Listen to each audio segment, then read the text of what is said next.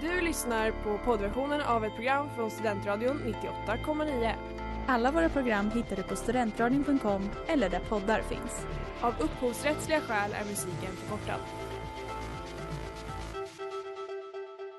Hej Sverige! Så säger man en sak innan valet, så säger man en sak också efter valet. Fler som dör av kyla i världen än, än av värme. Förresten, vad, vad, vad, hjälp. Vad, vad, vad är det för dag idag? Det är onsdag, klockan är 18 och du lyssnar på Scenlunch med PK här på Studentradion 98,9. Högaktuella politiska händelser diskuteras, veckans politiska utspel dissekeras och politikens spel spelas. Nu snodde du ju hennes replik. man göra. Mer egenproducerad grön öl. El. Ah, jag glömde slipsen idag. Välkomna till veckans avsnitt av Sen lunch med PK. Jag heter Freja och med mig i studion, studion har jag Jossan. Hej. Ellen. Hello. Och veckans gäst Fredrika. Hej hej. Woho! Välkommen in Välkommen till studion. Det är så kul att ha dig här. Verkligen. Väldigt kul att vara här med er. Så himla kul. Det här är första avsnittet bara tjejer tror jag. Ja, jag tror också det. Mm. Ja, Jag tyckte väl att det var extra bra stämning här. Eller hur? Ja, jag kände det. Och vår första ressegäst. Väldigt roligt. Ja, nu har du high pressure. Yeah. Mm. Resse gäst Freja, du är ju Just det, Resse. Jag är resse sen innan men du är alltid. Resse med ansvar. Ja, exakt. Resseledamot. Eh, jag tänker att vi drar igång det här avsnittet eh, med en gång. Och vi börjar snacka om lite veckans nyheter. Eh, Jossan, vad har du på G? Ja men det har ju kommit att Högsta domstolen sänker straff efter påskupploppet i Örebro. Eh, och de delar hovrättens bedömning och dömer två personer för grovt sabotage mot blåljusverksamhet. Däremot sänker de fängelsestraffen för båda männen. Ehm, så det är ju prejudicerande. Hörde jag Leif GW säga i morse på Nyhetsmorgon. Fint ord. Visst. Så ja. Ja. Det, det var det. Det var det. Det var det. Okej, Ellen.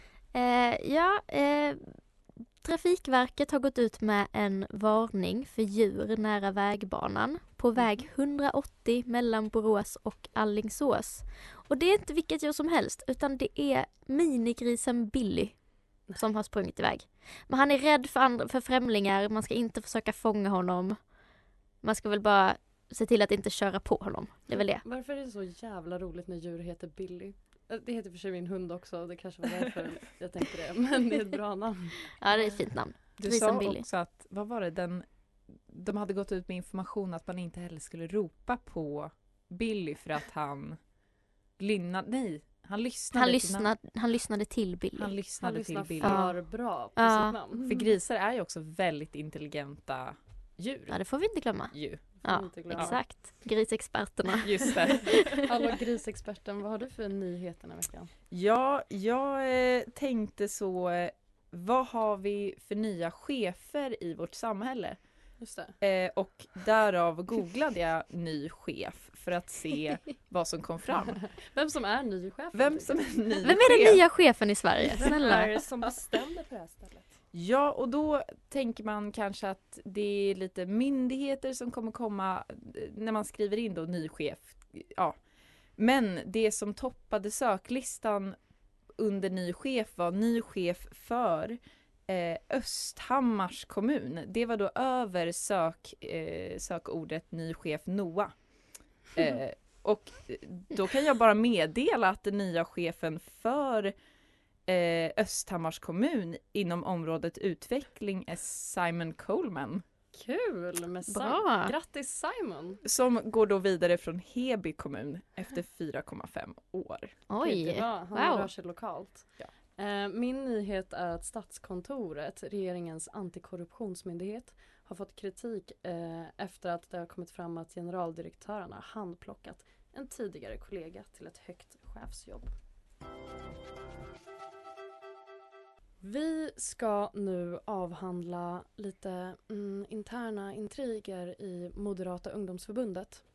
Och eh, det är ju för att det har ju kommit upp till ytan nu lite igen. Eh, men då blev jag varse om att alla inte vet om att det liksom har varit falangstrider i Moderaterna sedan eh, tidigt 00-tal, till och med innan det, men vi håller oss på 2000-talet. Eh, så jag tänkte bara försöka förklara nu. Eh, för den som vill bli ännu mer insatt så kan man lyssna på diverse politikpoddar. Bland annat SVDs politikpodd avsnitt Pojkarna och flickorna. För det är så de här falangerna heter. Ni skrattar, Pojkarna och flickorna, det är så de heter.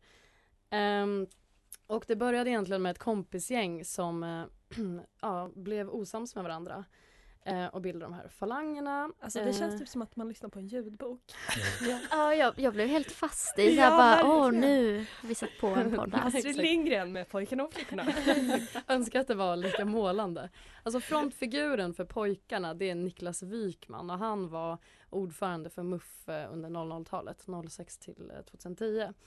Eh, och eh, ja men vi behöver egentligen inte gå in så mycket på den delen egentligen.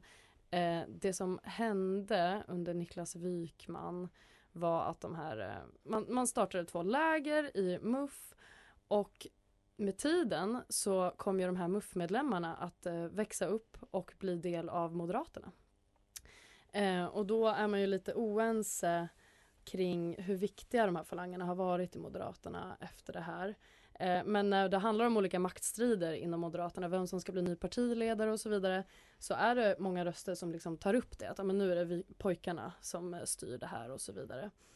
Eh, och medan andra menar att nej, det finns inga tydliga falanger längre, det där är glömt sedan länge. Det beror typ, alltså, enligt min bild så beror det lite på vilken sida man har varit på liksom historiskt också och om man är ny och vissa, det finns ju de som inte är med i någonting alls men Vissa menar att de här i alla fall spelar roll eh, eller att det typ är Wykmans sida som finns kvar som är mot resten. Och att Wykmans sida vill ha inflytande och bla bla bla. Alltså ni hör ju, det låter ju som en reality show liksom. Vet man vem Ulf Kristersson tillhör? Eller vilken sida? Alltså, Om man gör det. han är ju oberoende idag va? Ja. Annars hade han... Såklart. Ja. Men eh, alltså, det finns jättemycket att grotta i på 90-talet Mm. mellan Fredrik Reinfeldt och Ulf Kristersson. Men det är ganska svårt. Alltså, liber, då var liksom liberalism mot konservatism och Just. då var ju Ulf liberalen.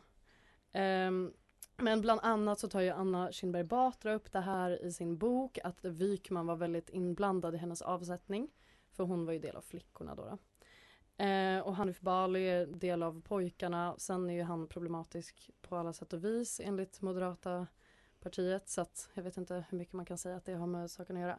Men jag skulle vilja berätta lite för er om några eh, ministrar idag som eh, man ändå kan kategorisera in i de här falangerna. För det tycker jag är lite roligt. Men alltså du säger falanger, är det typ som olika kompisgäng som Ja. brottas om att ta över Moderaterna? Ja, och Eller hur ska man Och det är pojkarna och flickorna. Precis, från början var det ju då om MUF och nu är det väl liksom vilken riktning partiet ska ta lite grann. Okej. Om man nu kan säga att det fortfarande är så. Ja, det återstår ju att se.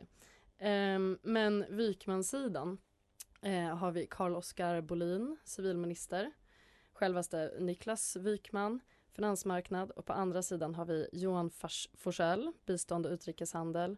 Maria Malmer Stenegard, migration. Och nu ska vi snart återkomma till varför det här är relevant idag. Okej, åter till Moderata ungdomsförbundet. Och jag skulle vilja berätta också att, eller varför jag tycker att det är väldigt intressant det här med MUF, är ju också för att de har väldigt stort eh, inflytande. Alltså de, eller ordförande i MUF sitter med i eh, partistyrelsen och eh, de står för typ så 30-40 procent av alla medlemmar i Moderaterna. Eh, ja, och de har stort inflytande på partistämman och så vidare. Eh, men om vi funderar på vad som händer idag så kom det förra veckan ut, eller nej, jag ska börja så här. Douglas Thor valdes till ny MUF-ordförande i november eh, efter Matilda Ekeblad och de, om man vill så kan man säga att Douglas Thor är del av Wykman-falangen, eh, pojkarna. Han hade kanske inte sagt det själv men eh, folk säger det om honom.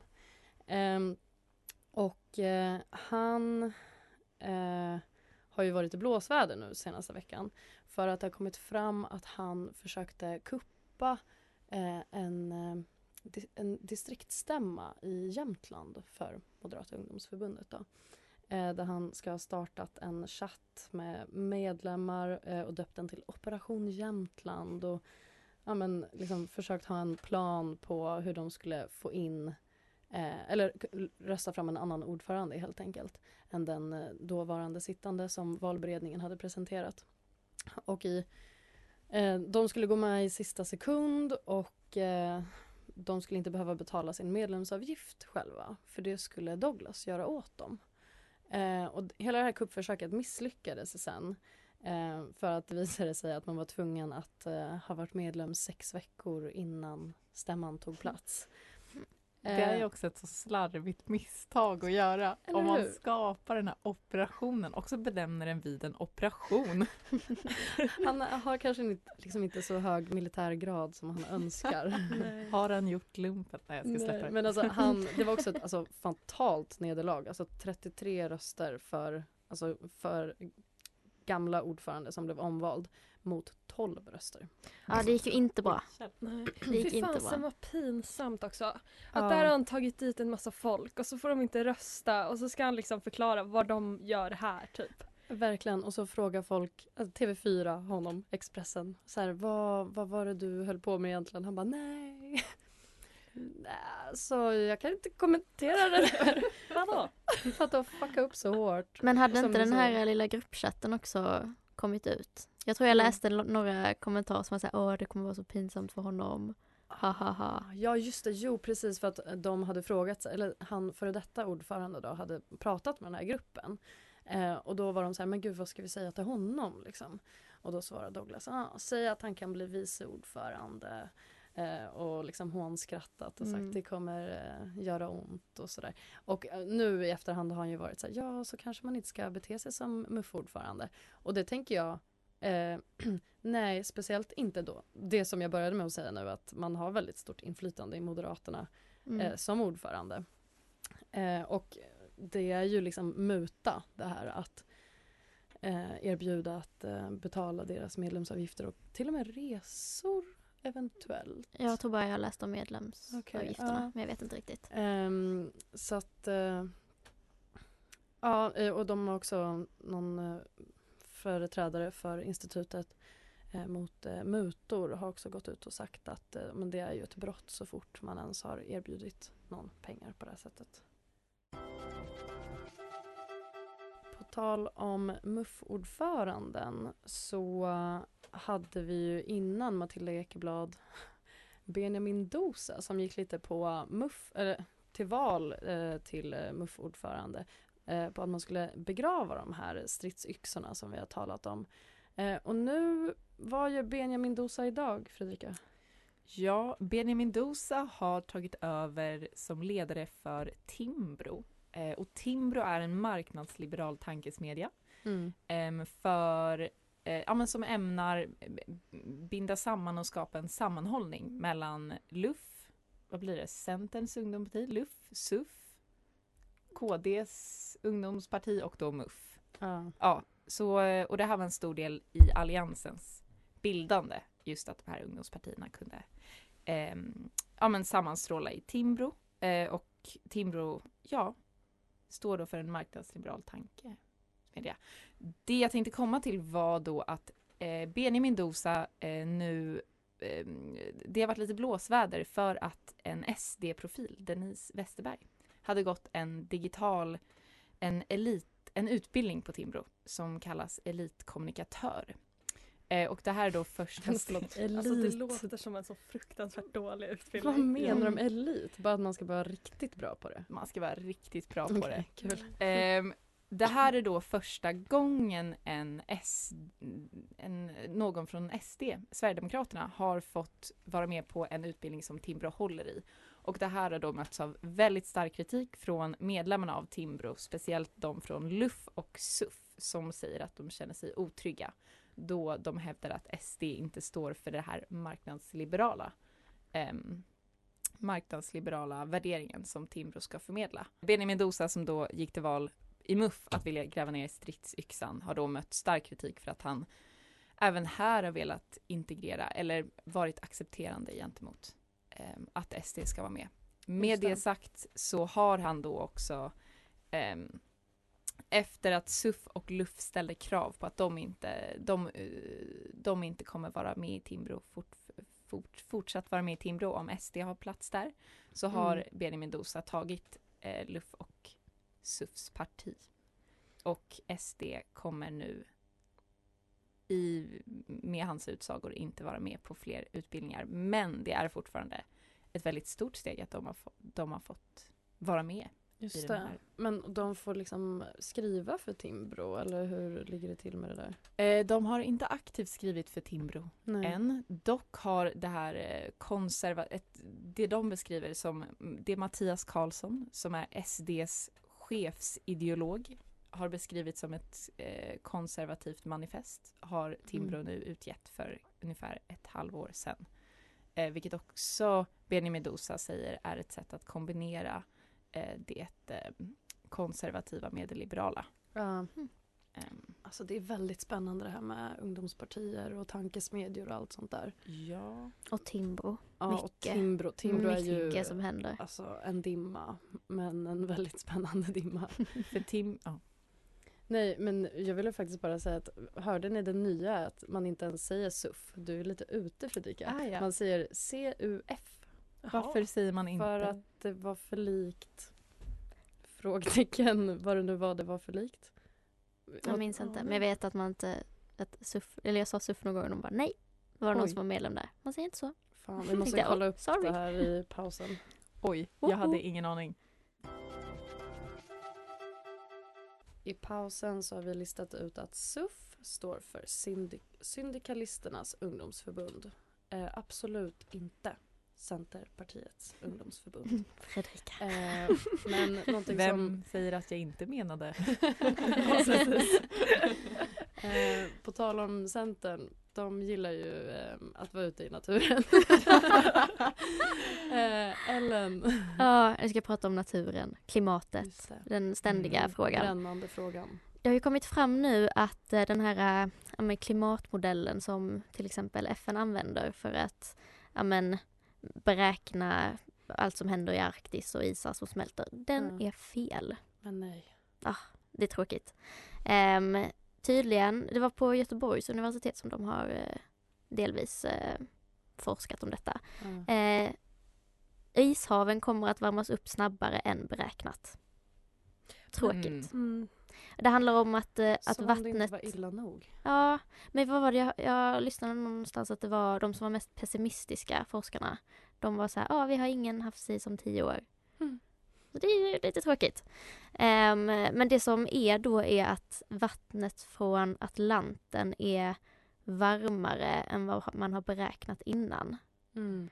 Och att, som, som jag uppfattade att värmen var högre upp i vattnet också så att isen smälter snabbare underifrån Mhm. än vad de har räknat innan. Ah, Okej. Och sen var det också i princip att alla mätningar som har gjorts har alltid gjorts i augusti. Mm. Så då var de, eller de har jämfört här lite med att det är som att vi skulle räkna medeltemperatur eller så för Sverige i väder eller ja, Ah. bara i augusti. Det säger ju inte jättemycket om resten av, Nej, av året. Mm. Men ja, fan, jag höll på att säga något jättedumt. Jag säger det ändå. Alltså, jättejobbigt att vara forskare. Alltså, också alla de här sakerna som man inte kan beräkna. Ju, man kan ju inte veta innan det har hänt obviously eh, hur klimatförändringarna kommer alltså, påverka sen resultatet. Alltså, eller vad ska man säga, påverka det man tänker att det man mäter på i framtiden. Mm. Det, det är ju så många variabler som kan eh, förändras helt liksom. Ja.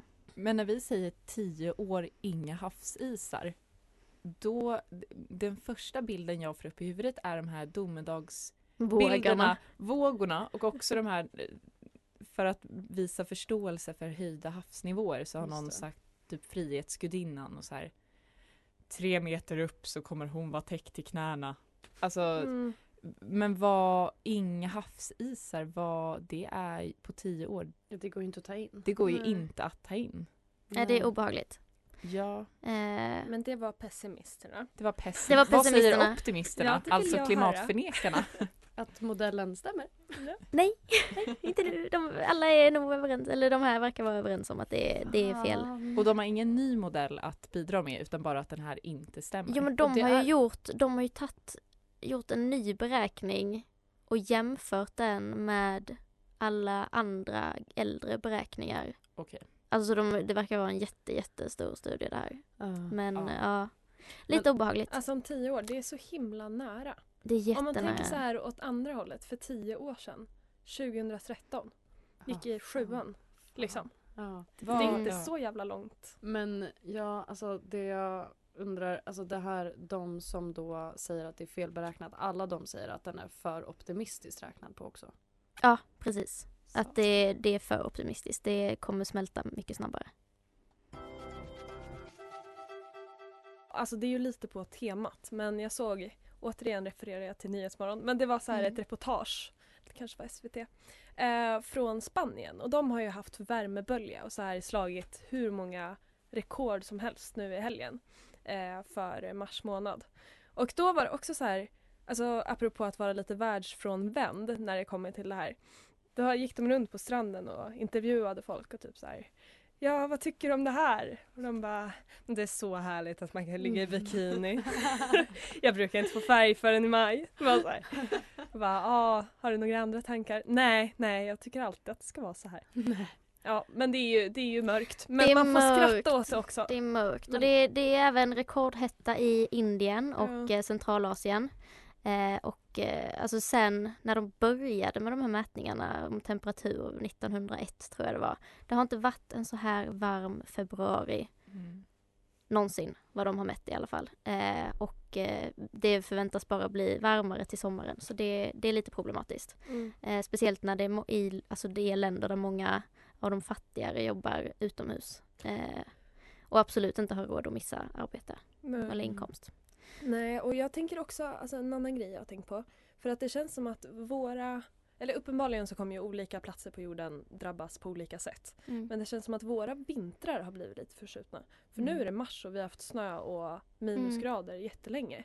Och vi hade typ inte det i, Ja, men för förra året också, då snöade det i början av april. ja. Nej det var bara en tanke. En ren gissning.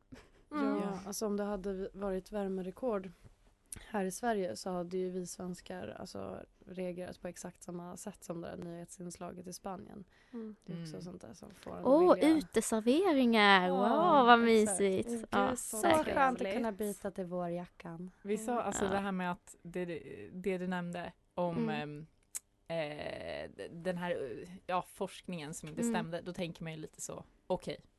Varför, hur, hur svårt kan det vara att inse att inte det här stämmer? Men så hör man folk som ligger på stranden och glassar och så tänker man, ja, mänskligheten kanske, alltså vi De kör av vill en inte, anledning. fatta, ja, de vill inte Det fatta var det. den som Mm. tog oss hit, mänskligheten. Ja, Ja, tråkigt. det var också ett ganska just. självklart staterande.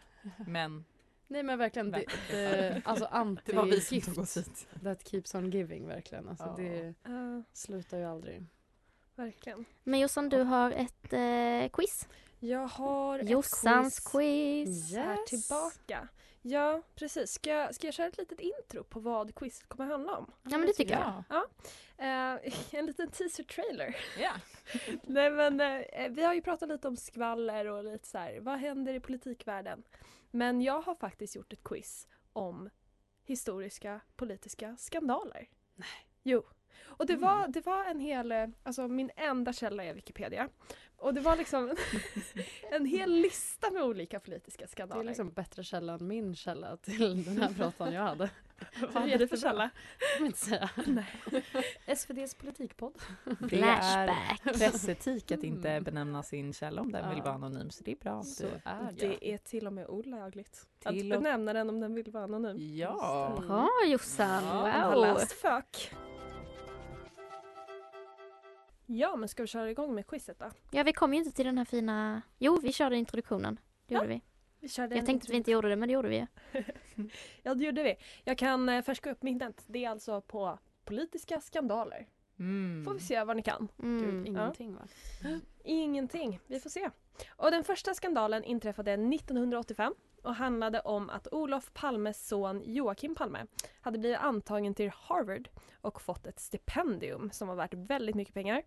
Eh, men vad gällde skandalen? Vill ni ha alternativ? Jättegärna. Och då vill jag återigen påminna om att Två av de här har jag helt själv hittat på. Mm. Det är det som tar lång tid med de här quizen. att sitta och hitta på alternativa förklaringar. Ah, ja. eh, första alternativet. Joakim Palme hade uppenbarligen inte tillräckligt bra betyg och meriter för att få stipendium på skolan och det pratades om att skolan hade mutats. Alternativ nummer två. Olof Palme lät universitetsledningen på Harvard förstå att hans son väldigt gärna ville studera på Harvard efter att Olof Palme hade hållit en föreläsning där.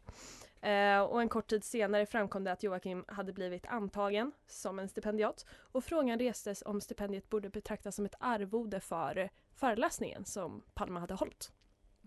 Och alternativ nummer tre. Skandalen gällde helt enkelt att Joakim Palme inte skulle studera på ett svenskt universitet utan på ett dyrt amerikanskt och Palmefamiljen målades ut som en rikemansfamilj. Och inte socialdemokratiska nog. Åh nej, jag tror Alltså, på alla. Jag försöker tänka vilka är det Jossan har hittat på men det är Ja. svårt. Jättesvårt. Det känns också som att alla kan vara sanna samtidigt. Ja. Men jag, får, jag, får jag ta och gissa på Kör hårt. mitten, alltså föreläsningsarvodet. Det skulle vara skandal. Mm. Jag tror C.